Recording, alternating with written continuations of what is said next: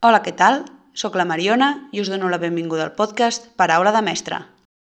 Últim episodi de la temporada i acabem fort. Acabem amb una entrevista a Mario Sánchez, més conegut a les xarxes com a Sefi Food. El Mario és tecnòleg d'aliments i divulga sobre nutrició i seguretat alimentària.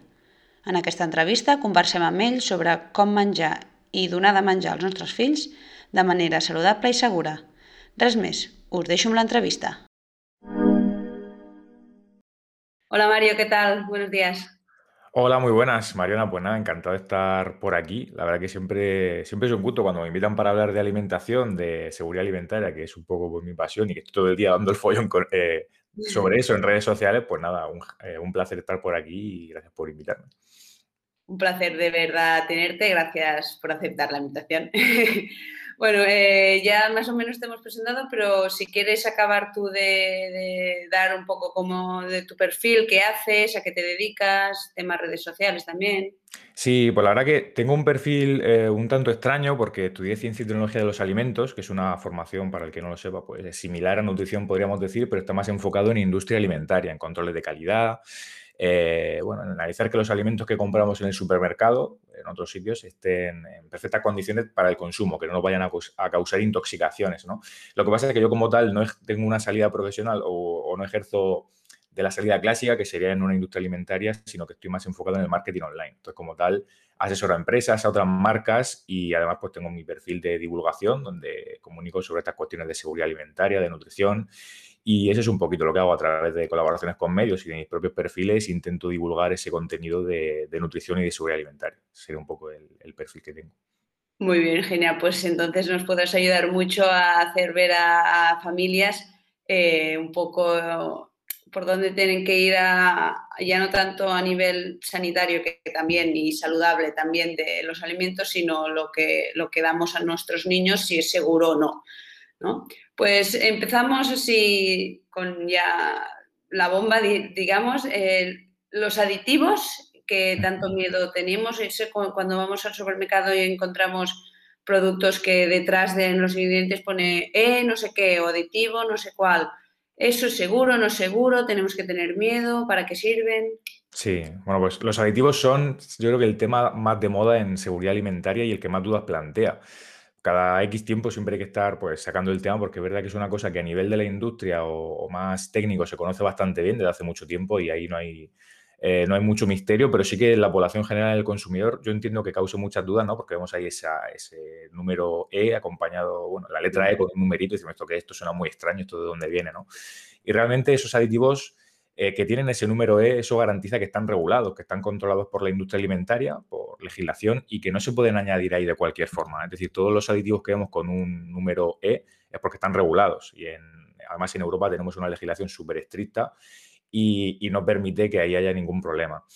Eh, por otro lado, pues por definirlo rápidamente, los aditivos son unas sustancias que se añaden con un propósito tecnológico, es decir, no se añaden como mucha gente cree para envenenarnos o para, no sé, para hacer cualquier cosa maléfica, sino eh, tienen propiedades, pues por ejemplo, hay espesantes, hay colorantes, hay edulcorantes. Es verdad que dentro de esas funciones hay algunos que son más interesantes o podríamos decir que pueden ser más prescindibles, ¿no? Algunos que son para maquillar un producto y hacerlo más atractivo como sería un colorante o un edulcorante que hace, aporta ese sabor dulce.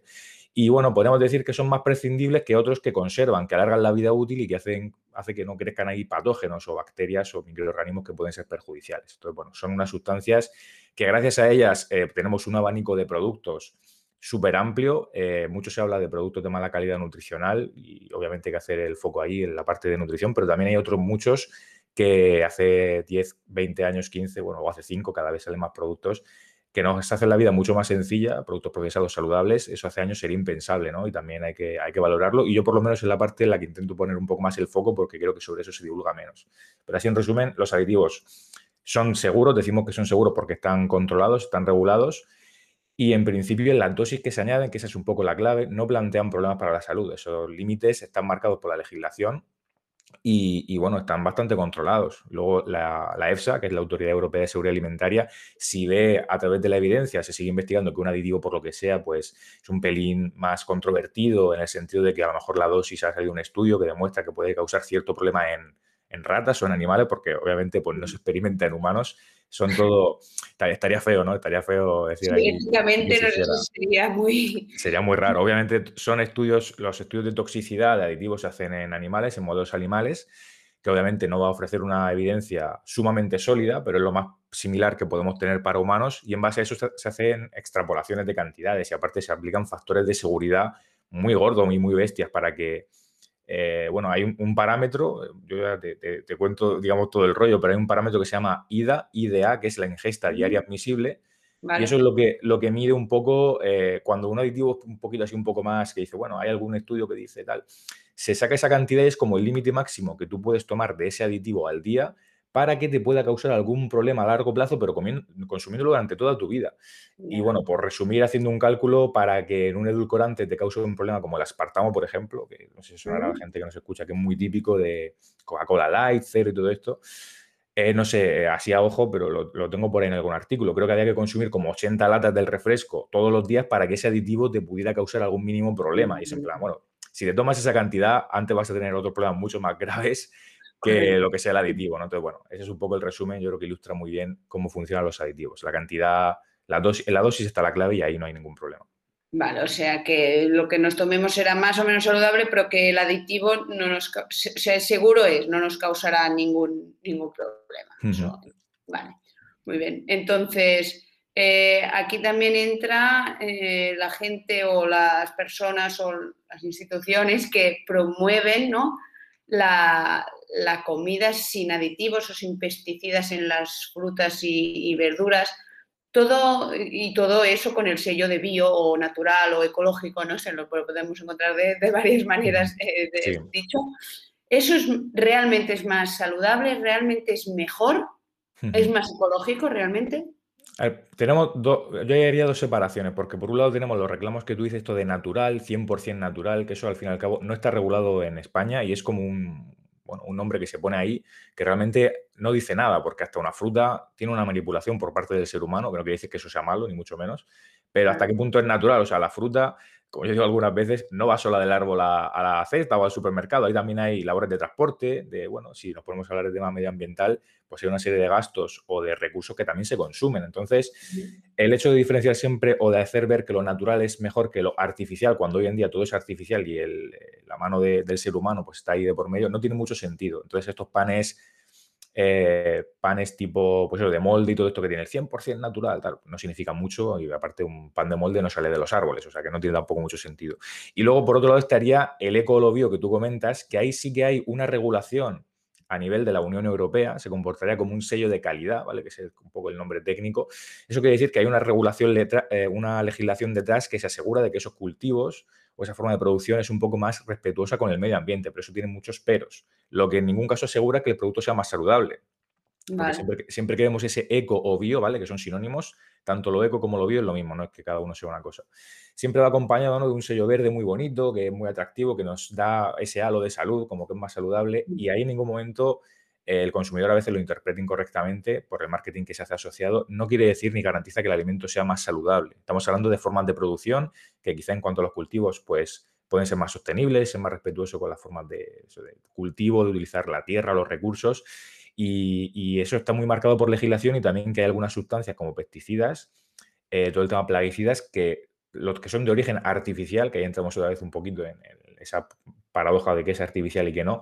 Hay algunos, digamos, que están prohibidos, pero otras sustancias que son más naturales y hacen la misma función se permiten. Entonces, es un poquito peligroso el tema de lo eco y lo bio, así por, resumir y por que el consumidor final lo entienda, porque también nos da a entender que los productos que no son eco-bio son peores o que los pesticidas son perjudiciales. Y pasa igual que con los aditivos, las cantidades que se utilizan en productos no eco o no bio están también muy controladas para que no nos causen problemas. Entonces, también promueve un poquito esa, ese miedo ¿no? a, pesticidas, a sustancias un poco más extrañas.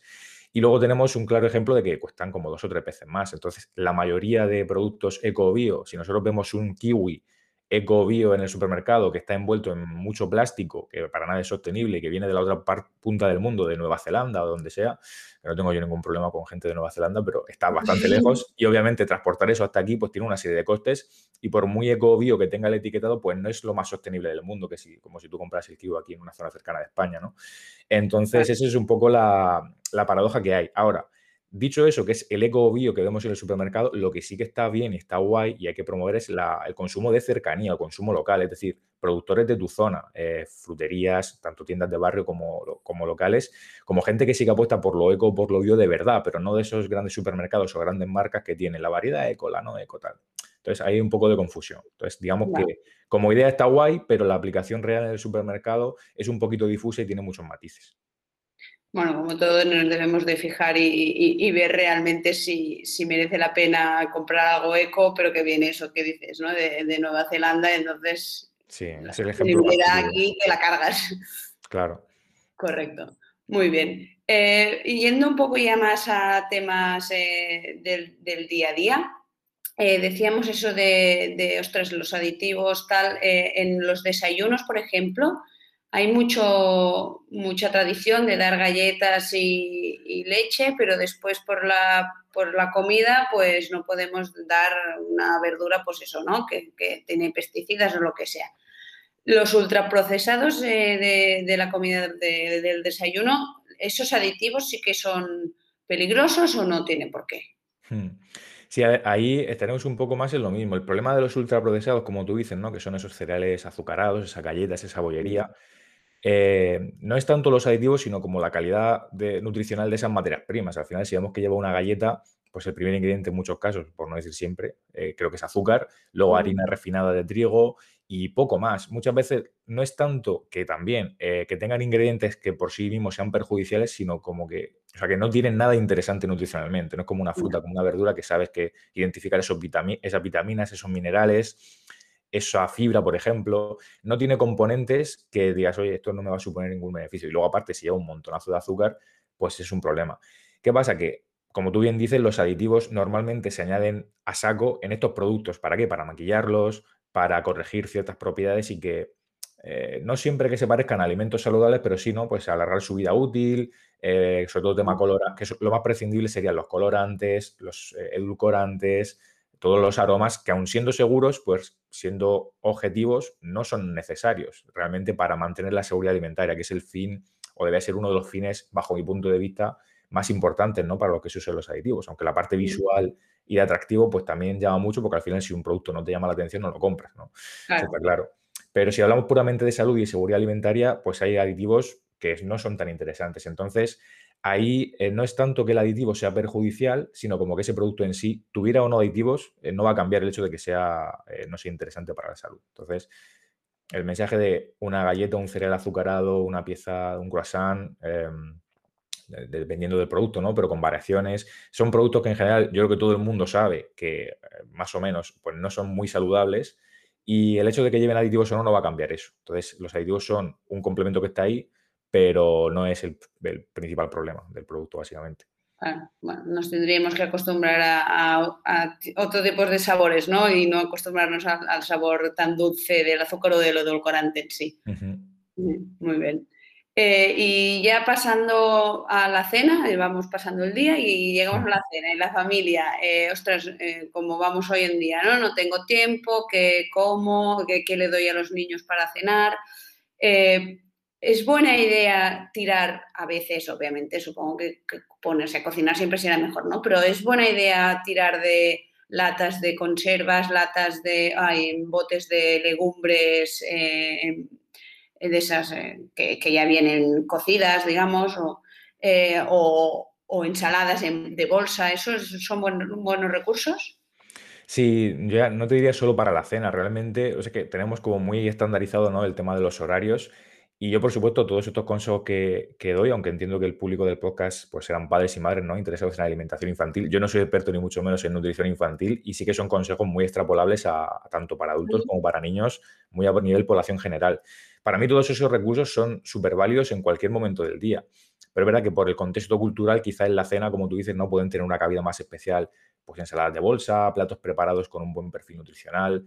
Eh, todo lo que son legumbres en conserva, por ejemplo, son una pasada, porque son ese grupo de productos que yo te decía que son buenos procesados, ¿no? Porque eh, tienen una cantidad, podemos decir, pequeña de ingredientes, aunque eso no siempre es un, claro, eh, bueno, una muestra de que el producto vaya a ser malo, pero son poquitos ingredientes y si nos fijamos, pues siempre tienen la conserva la legumbre que ya viene cocida, lo cual nos ahorra mucho tiempo porque no hay que poner a remojo y tal, que como tú bien dices, a nivel de sabor y todo eso, de hacer guisos o platos más típicos, sí que obviamente se puede notar un poquitín la calidad del, sobre todo sensorial, ¿no? del producto. Pero a nivel saludable no hay, no hay prácticamente ningún, yo diría que no hay ninguna diferencia.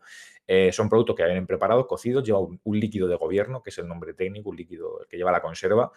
Y ahí sí que podemos matizar dentro de esas conservas o esos eh, legumbres en bote, por ejemplo, cuando es un pelín más saludable, ¿vale? Porque es verdad que en las legumbres siempre es agua con sal, a lo mejor un poquito de aceite no suelen llevar, pero eso es más, más bien en conservas a lo mejor tipo de pescado, ¿no? Atún, conserva y que ahí sí que, ahí mira, sí que te voy a hacer el matiz, que ahí en los niños, por ejemplo, en población infantil hay que llevar un poquito más de cuidado con las latas de atún por el tema del mercurio, ¿vale? Que eso sí que es una recomendación de, de ESAN, de la Agencia Española de Seguridad Alimentaria eh, y Nutrición, que, por ejemplo, bueno, los niños, al final todo esto que comentamos de aditivos y de sustancias un poquito más tóxicas, como lógicamente son más pequeñitos, su peso es menor, estas sustancias pueden tener un impacto mayor en su salud, aunque sean seguras. Entonces, hay recomendaciones de consumo de pescado semanal y todo eso, que por ejemplo, pues las raciones, que creo que está ahora mismo en tres o cuatro raciones recomendadas a la semana, pues que intentamos que no siempre sean latas de atún, porque esas latas de atún provienen de pescados de un tamaño muy grande y cuanto más grande es el pescado, sobre todo especies como el atún, acumulan mucho mercurio, que es un, pues, un compuesto tóxico que por desgracia,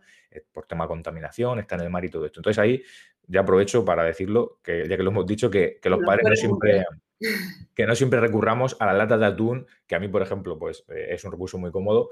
Intentamos que variemos pues, con pescados frescos y otras especies. Pero sin entrar mucho en eso, lo que son los líquidos de gobierno o tal, pues siempre tenemos los escabeches, los encurtidos también son buena opción. Cuando llevan vinagre, eh, suele ser ese líquido, un escabeche o un encurtido, ¿vale? Cuando es un producto de origen animal, como sería pues un pescado, si volvemos a hablar de no, atún en escabeche o mejillones en escabeche. Y cuando es una conserva vegetal, como las aceitunas, pues se, llama encurtido, es simplemente el nombre. Pero bueno, vale. las aceitunas, que al final es un bote que lleva un líquido dentro y una cosa dentro, ¿no? Para que te la comes, sea cual sea. Y ahí podemos matizar si es más o menos sano en función de la composición del líquido. Pero en general, prácticamente, mm, sobre todo legumbres en bote, volviendo a ese tema que me he desviado, son muy interesantes porque ya vienen cocidas, vienen preparadas y tanto para hacer un producto más no sé, un guiso más en caliente, aunque a lo mejor eso por la noche no apetece, pero para una propia ensalada, como tú dices, una ensalada de bolsa que le añades unos pocos garbanzos y, demás, son recursos que están muy bien, que te ahorran mucho tiempo y que no están reñidos con comer mal. Son ejemplos de buenos procesados que, tanto como tú dices, para la cena como para cualquier hora, yo creo que no deben faltar en nuestro frigorífico ni en la despensa, por supuesto. Y verdura congelada también sería buena opción, ¿no? De las mejores, de hecho, la verdura, ahí hablamos de ultra congelación, que es un proceso eh, mucho más eficiente del que hacemos en casa, porque la industria, pues obviamente tiene mucho más dinero que nosotros, mucho más recursos y sus equipos son mucho más, eh, más potentes. Entonces, ahí lo que se hace es que la verdura se recolecta en el punto óptimo de maduración, cuando los eh, nutrientes están, digamos, en su esplendor o están en mejor estado Muchas veces vienen cortadas, troceadas, se lavan, se preparan previamente y se ultracongelan, que es que se baja la temperatura súper, súper rápido para que esa conservación sea más eficiente. Entonces va a ser mucho mejor que si nosotros congelamos en casa, porque el equipo va mucho más lento y, bueno, es más ineficiente.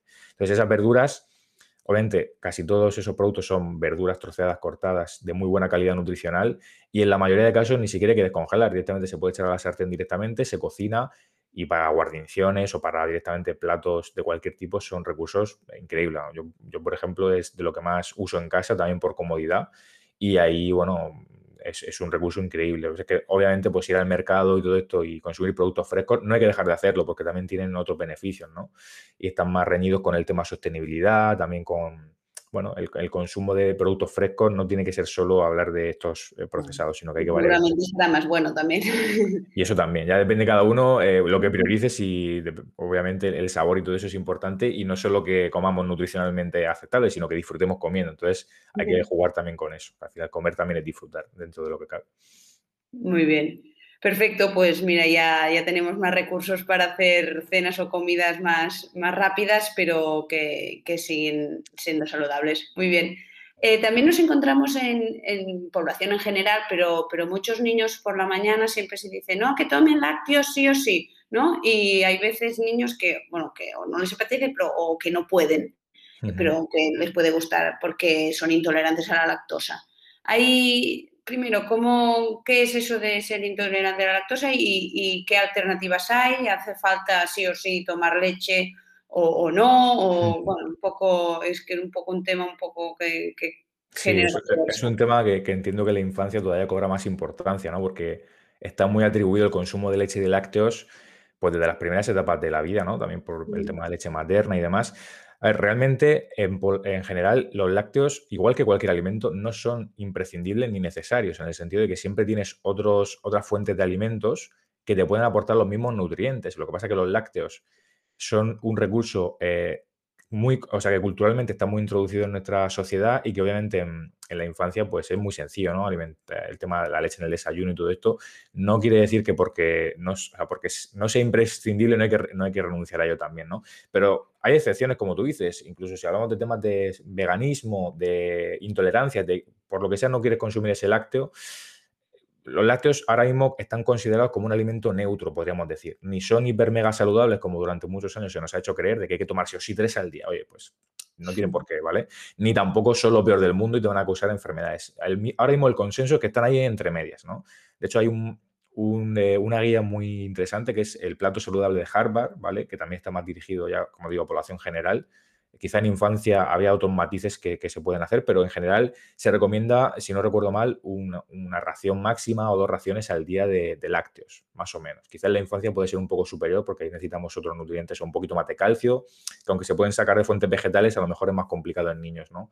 Y también, eh, habría que ver esos recursos. Pero en general es un alimento neutro y como tal, pues ni es obligatorio ni, tampoco es lo mejor, pues, lo mejor del mundo. Lo que tenemos que tener claro es que también, yo sé que esto es un tema polémico, ahí ya no sé, a lo mejor tú lo que opinarás, pero el tema del desayuno eh, también eh, se ha dicho muchas veces en redes sociales, ¿no? Que no es obligatorio desayunar y luego la gente dice, pero ¿cómo va a ir el niño al cole sin desayunar, sin energía, sin esto y lo otro?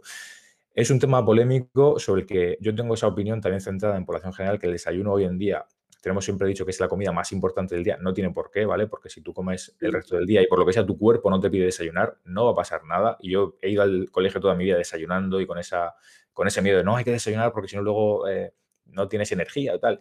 Hay niños o personas que directamente no les apetece desayunar y luego vas a almorzar al, par de horas y tampoco vas a ser, va a ser el fin del mundo. Luego hay que ver que ese almuerzo sea también más o menos saludable.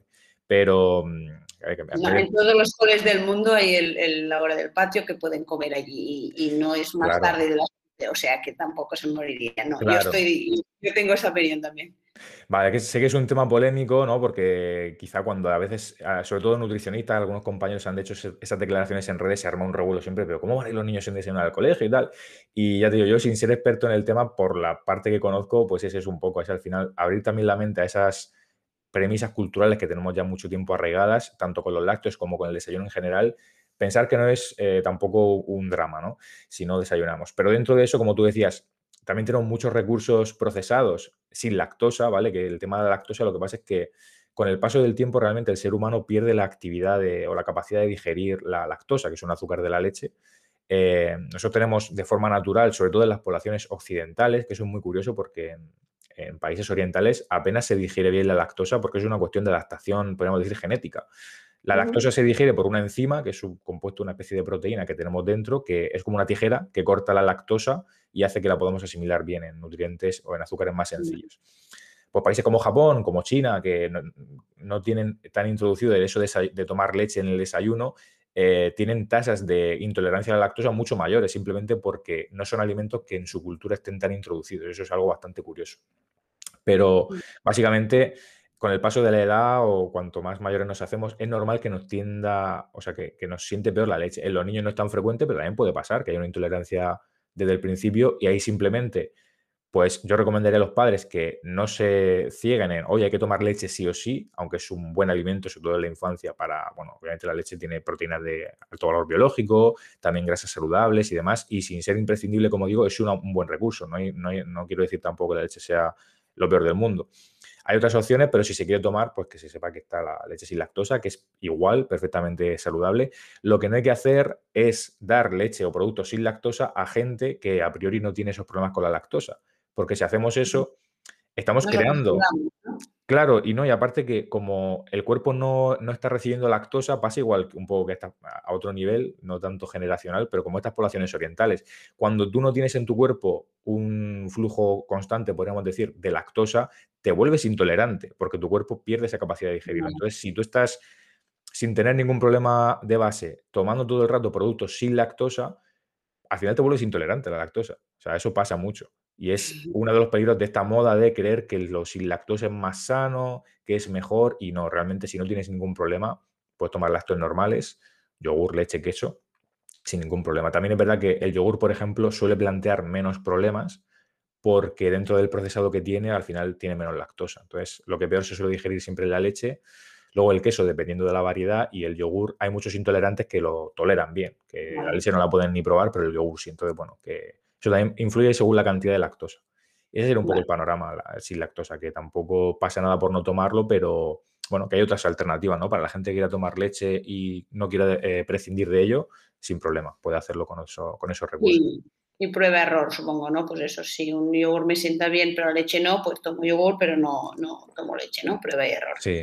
Y también, y, bueno, eh, eso está muy bien, al final uno mismo se conoce, pero sobre todo si tenemos sospechas de que podemos ser intolerantes, ir al médico que nos haga la prueba y no por nuestra cuenta hacer esos experimentos muchas veces porque si no, a lo mejor no somos intolerantes y luego acabamos siéndolo por nuestro propio error de, hacer eso o, bueno, hacer que nuestros hijos también lo sean, en ese caso que, todavía puede ser, bueno, no, es demasiado interesante. Cierto, cierto, muy importante siempre recurrir a los que saben y a los médicos que nos, harán un buen diagnóstico.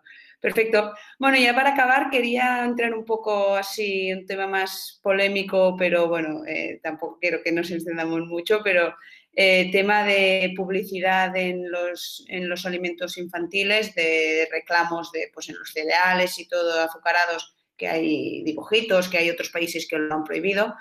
Y aquí también entra un poco el Nutri-Score, pero ya no tanto quiero que me lo analices de, de cómo es el sistema en sí, en sí o no, si, simplemente si nos podemos fiar o no, más que nada tirando un poco a, a publicidad infantil. Sí. A ver, el tema del Nutri-Score está ahora muy en auge y, voy a intentar eh, decirlo sin enrollarme mucho porque al final el, tema da para mucho, ¿no? Pero sí que ahora mismo está, es bastante controvertido y aún a día de hoy eh, sigue siendo eh, voluntario. Dentro de unos meses quizás sea obligatorio para todos los productos, entonces hay que estar preparados un poco para lo que pueda venir, al menos aquí en España, ¿no? Y también en la Unión Europea, porque se plantea que esto sea un sistema obligatorio para todos los productos, tanto infantiles como no infantiles. Entonces, es, Perdona, porque no lo sepan, Nutri-Score es, ¿no? es una etiqueta o una información que nos dan en los productos de si es más sano o menos sano, ¿no? Más que nada para que no lo sepa. Sí, claro, es verdad, por, resumirlo para el que no lo sepa, es como una especie de semáforo que se pone en la parte frontal del envase, que va del verde al rojo, pasando por el amarillo, y te dices en base al contenido de nutrientes si un alimento es más o menos sano. Es un sistema a priori que tenía muy buena pinta, que prometía mucho, pero se está viendo que, como tú bien dices, en algunos productos infantiles, sobre todo, que van dirigidos a esa población infantil, cereales azucarados y demás, productos que no son para nada saludables salen con buenas puntuaciones. Es porque las empresas ya se están preparando para esto que te comentaba, de que sea obligatorio, y van ya jugando, reduciendo una cantidad pequeña de nutrientes por un lado, vendiendo la mejor fibra por otro, que la fibra como tal es un ingrediente saludable, pero aunque tú se lo añadas a unos cereales no van a ser más sanos. O sea, lo importante es el conjunto. Van jugando con ese algoritmo de Nutri-Score y están haciendo que el algoritmo salga mal parado y ese es el motivo principal de crítica que se está dando al sistema. Y obviamente, pues en muchos aspectos es, ineficiente. Si hablamos de publicidad infantil, está, está claro que está siendo algo que podemos decir peligroso si se acaba implementando como parece que va a ser, porque yo siempre eh, estos días estoy invitando un poco a la cautela porque todavía es un sistema que no va a ser obligatorio y todavía no sabemos lo que va a pasar. Pero es verdad que si hablamos solamente de, población infantil, de infancia, estamos viendo productos que no, eso no se puede permitir que pase porque están saliendo cereales azucarados en televisión con una, eh, una letra verde bien grande, una valoración positiva a, sobre un Discord y que aparte van amparadas, pues como tú dices, un monigote, un dibujito que siempre desde hace muchos años aquí en España y en otros países invita a que los niños pues ven ese, oye, que esto, hazle aquí un Pikachu, un Pokémon, cómpramelo, tal. Y eso a todos nos ha pasado. Ahora es patrulla canina, pero sí. Ya, yo es que ya yo vengo de los Pokémon y claro, ya mis referencias son otras, pero entiendo que, bueno, eso es, eh, como tú también decías, en, en algunos países se ha prohibido y aquí en España también se ha anunciado que eso tiene intención de regularse. Lo que pasa es que todavía es como esto, esto del Nutri-Score viene de hace 2018 por ahí, empezaron a decir que se iba a implementar en España y pues eso va bastante lento todo lo que es legislación e implementaciones, sobre todo porque todo viene de Europa y luego aquí en España pues y en otros países se regula de aquella forma, ¿no? hay mucho, mucha complicación legal. Entonces, bueno, esto va a ser un tema que va a dar para muchos otros años seguramente y ojalá que se, bueno, que se limite esa publicidad infantil eh, más allá del Nutri-Score, ¿no? Porque yo creo que el Nutri-Score va a tener que venir y vamos a tener que aprender a convivir con él, porque va a tener muchos fallos. Pero sobre todo lo más, eh, eso, en, países, por ejemplo, creo que en Chile también se está haciendo, que creo que es el país ¿no? que tú comentabas en cuanto decías que en otros países se hace. En Chile hay otro sistema parecido al Nutri-Score, que a priori funciona mucho mejor, que son unos sellos negros que te advierten de contenido de nutrientes que puede ser perjudicial, ¿no? Alto en azúcar, alto en sal. Y es como un sistema que parece, bueno, a los nutricionistas les gusta bastante más que Nutri-Score. Y ahí también se ha implementado, se ha regulado mucho el tema de la industria. Entonces, en cajas de cereales, en galletas y todo este tipo de cosas, no pueden aparecer reclamos, personajes animados, dibujos que a los niños les llamen la atención. O sea, todo el tema publicidad infantil eh, está bastante regulado y eso obviamente aquí es un problema todavía. Entonces, es algo que se ha anunciado que se va a regular, ahora falta ver cuándo, cómo y de qué forma, ¿no? Porque hay muchos eh, bueno, es bastante complicado, sobre todo porque aquí en España está muy culturalmente aceptado que un alimento tenga un reclamo infantil, un cereal azucarado con un gallo muy bonito, un mono o lo que sea, y no pasa nada. Y realmente si lo piensas es como, oye, pues quizá esto no debería ser así, ¿no? Porque si es un producto que no es saludable, quizá no deberíamos eh, tampoco prohibirlo. Yo no soy partidario de prohibir ni mucho menos, eh, creo que hay que tener libre elección de productos, por supuesto, pero sí que advertir, sobre todo desde posiciones gubernamentales o desde entidades que se dedican a promover la salud, advertir de las cosas que no van a ser saludables. Y obviamente poner esos reclamos mm, no es algo que, esté bien, bajo mi punto de vista. a ver si tenemos suerte y se acelera un poco este, este proceso. Pues sí. Y, bueno, como dices, eh, sobre todo el mensaje a las familias es que cuando venga eso del Nutri-Score, que no se lo crean todo tanto, que realmente intenten asesorarse un poco si realmente es esa B o esa A es realmente una, una buena opción o no de, consumo para sus hijos. Eh, pues muy bien, eh, eso era un poco todo. Mario, muchas gracias por, por todos estos temas que nos has resuelto, que la verdad es que ha sido han sido muy interesantes y nos han ayudado a, esclarecer un poco ¿no? el tema de, salud y, de seguridad en los alimentos, que al final yo creo que lo que más nos importa, bueno, las personas que son padres, lo que más les importa son sus hijos y, obviamente quieren darles lo mejor, ¿no? Eh, gracias por, por aceptar la invitación. Nada, un placer. La verdad que, como te he comentado al inicio, antes de la grabación, yo suelo aceptar casi todo este tipo de colaboraciones y aparte si va dirigido a una población infantil, que me gusta recalcar eso, que no soy especialista en nutrición infantil, hay otros compañeros que están muy preparados en esa materia y que obviamente para casos muy concretos, ¿no? De leches de fórmula, de cositas así más delicadas, siempre me gusta que la gente sepa que tiene otras, eh, otras personas a las que recurrir, que quizás saben más que yo sobre el tema, pero bueno, al final consejos de salud generales es un placer darlos y nada, muchas gracias a ti, por Mariana, por invitarme y nada, espero que le guste a la gente, que haya servido para que aprendan un poquito más de seguridad alimentaria. Seguro que sí, seguro que sí. Y para temas más, eh, más de, profundizar ya, ya tendremos eh, más invitados, pero también me, interesaba ese punto de, seguridad alimentaria que, que, nos has dado. O sea que no te, no te excuses que, realmente ha sido, ha sido muy, muy, muy interesante. Pues muchas gracias. Muchas gracias por invitarme. De verdad. Pues gracias. Un placer. Chao, hasta luego. Adiós. I fins aquí l'entrevista d'avui. Espero que us hagi resultat molt interessant la conversa amb el Mario. Com sempre, us deixo a les notes de l'episodi totes les seves dades perquè el seguiu i busqueu a les xarxes socials com a Cefifood. I recordeu que em podeu trobar a Spotify, iBox, Apple Podcast i recentment també a Google Podcast. Res més, acabem temporada i ara toca agafar forces per la propera. Abraçada!